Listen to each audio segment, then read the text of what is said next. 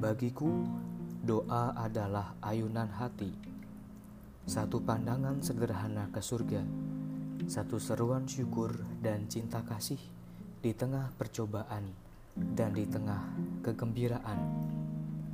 Itulah ungkapan Santa Teresia dari kanak-kanak Yesus tentang doa.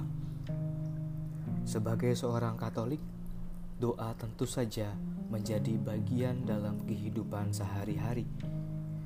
Dalam doa itu, kita bisa bersyukur, memuji, memuliakan, dan menyembah Allah. Dalam doa itu pula, kita bisa menghaturkan permohonan kita kepada Allah. Kita bisa mengangkat jiwa kita kepada Tuhan demi hal-hal yang baik.